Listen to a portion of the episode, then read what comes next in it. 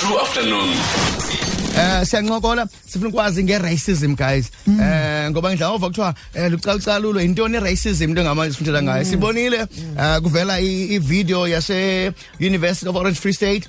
Eh into engamandla ebiphezulu kathiwa nge-racism kathiwa headline i-racism ingamandla kwi-university yase-free state phakathi kwabafundi abamnyama nabamhlophe sabaleka sabheka e-cape town eh xa ubheka e-cape town kuthiwa i-racism ingamandla eh kwisixeko se- se- se- se- sentshona koloni eh emisebenzini kuyo yonke into eh i-racism iyatsho ngamandla. Zininzi nje indawo nayakuzo kuthiwa nge-racism eh ufumanisa ukuba yinto ephambili ebekwayo. Guys masamkele emnxebeni ke eh umnomzana masethi eh oyi-programs manager for the intern eh, for the national initiative for the development bank of southern africa eh, ejozi ukwayi-md yengxubenxuka research policy strategy and advisory consulting. Uh, he's also a political economy analyst.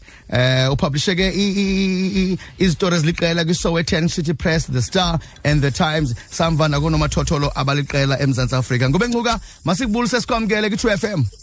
Eh masibulise Lux nawe sikhalalisele ngoyokuba yilutho emakhaya. enkosi enkosi ngubenxuka eh siyabulela nkosi yami. Ngubenxuka ufika apha sithetha eh sibuza kubaphulaphuli bethu ingaba ke eh bayayi-understand indaba ye-racism. Iba i-racism yintoni na? Xa sithetha nge-racism sithetha ngantoni ngubenxuka Eh Lux kaloku kasithetha nge-racism sithetha ngenkqubo yokucwasana ngebala nangobuni.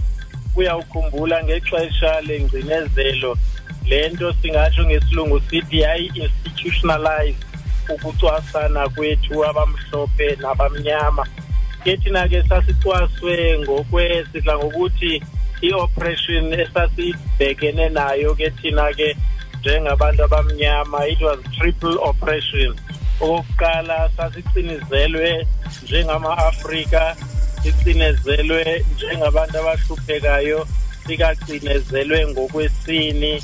Ngale ndlela ke yokokuba oomama ke nabo babengekakhululeki ngelo xesha phantsi kwenkqubo ke yaloo ngcinezelo. Yabona ke i-racism lena izibonakalisa ngeendlela ngeendlela umzekelo apho emsebenzini ufumanisa uba nje baningabasasazi nje nisebenza umsebenzi omnye omnye omhlophe yena wamkela imali eyakuthi ibe ngcono Mm. kunawe yabona ke ngelishwa lomhluzi amanqina kule democracy isekhona imivukela okanye imivuka esiyibonayo yalo racism njengomzekelo ubuyabona kwezi zinto fees must fall yonke into. Abantwana abamhlophe bona abekho phaya ngoba kaloku abazali babo bayakwazi bathathele iipolisi babe netrust bababhatalele.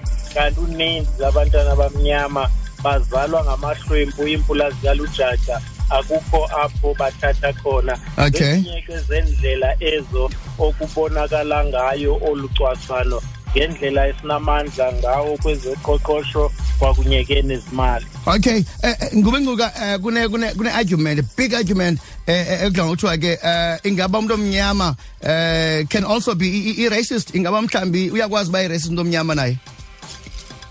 Eh Lux uyakwazi umuntu omnyama ngoba kaloku kuba ngaba umzekelo into nake thina ke siye siphinde sithi tribalism ukuba ngaba ndiza kuthi umzekelo kuba mhlawumbi ndingumthembu othetha isixhosa ndiphinde ke ngoku ndibukule omnye mhlawumbi endingathi ngowasengqushwa oyimfengu naye othetha isixhosa. Umzekelo izaci ezifana nezi kuthiwe utywala bemfengu abuphele koyini okanye ingangentwala kubathembu. Buyawuzibona ezo ntetha ezo zintetha zokuthi ke ubukule omnye umntu ngobuhlanga. Ndizama ukuthi ke nathi nakubanye abantu abaphuma kwamanye amazwe ingakumbi ke kweli laseafrika singaboqala ukubabiza oh my friend sibabize amagrigamba. Zonke ke ezo zinto ezo zibonakalisa ngokuphandle into yokokuba nathi singabantu abamnyama siyakwazi ukuthi sicwasane ngokobuni ngokobuzwe kanti ke nangobuhlanga phakathi kwethu singama-afrika. Okay uyangena ekhaya ngexesha phulaphule eh, i-true f m like no one yasinqola naye ke uzama ekhaya masethi ngubencuka um ngubencuka xa ndiza kukhula nkosi yam um xa ucinga ingaba mhlawumbi lidaba esino- esino- esinokululwa njani olu kwaye esilwini njani le racism? Eh looks eyona nto iza kuthi ithelise wena lento into kokuba amathuba kule democracy siwafumane ngokulinganayo. Ndithetha ke amathuba ngokwezempangelo ngokwezimali ngendlela esahlulelana ngayo ubutyebi ngoba ubuyayijonga le nto iyantlukwano ngokwezoqoqosho ngendlela esihlala ngayo isenkulu kakhulu kubantu abamhlophe nabamnyama.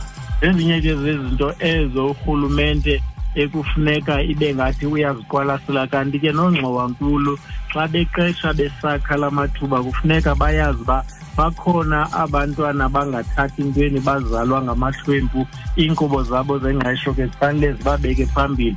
Kanti ke nathi kufuneka sifundisane into yokokuba uyabona laa la rainbow nation umandela wayethetha ngayo mayingabi yinto ethi xa sekungasaphili yena sibuyele kundayashe kufanele uba siyazi ukuba weare-united in diversity zii-south africans kamandi kapha emzantsi sithetha iilwimi ezifikileyo phaya ku-eleven ithetha ukuthi ke loo nto we are united in diversity nee-cultures zethu zi-different. Kodwa ke into esidibanisayo bubu-south african bubuzwe.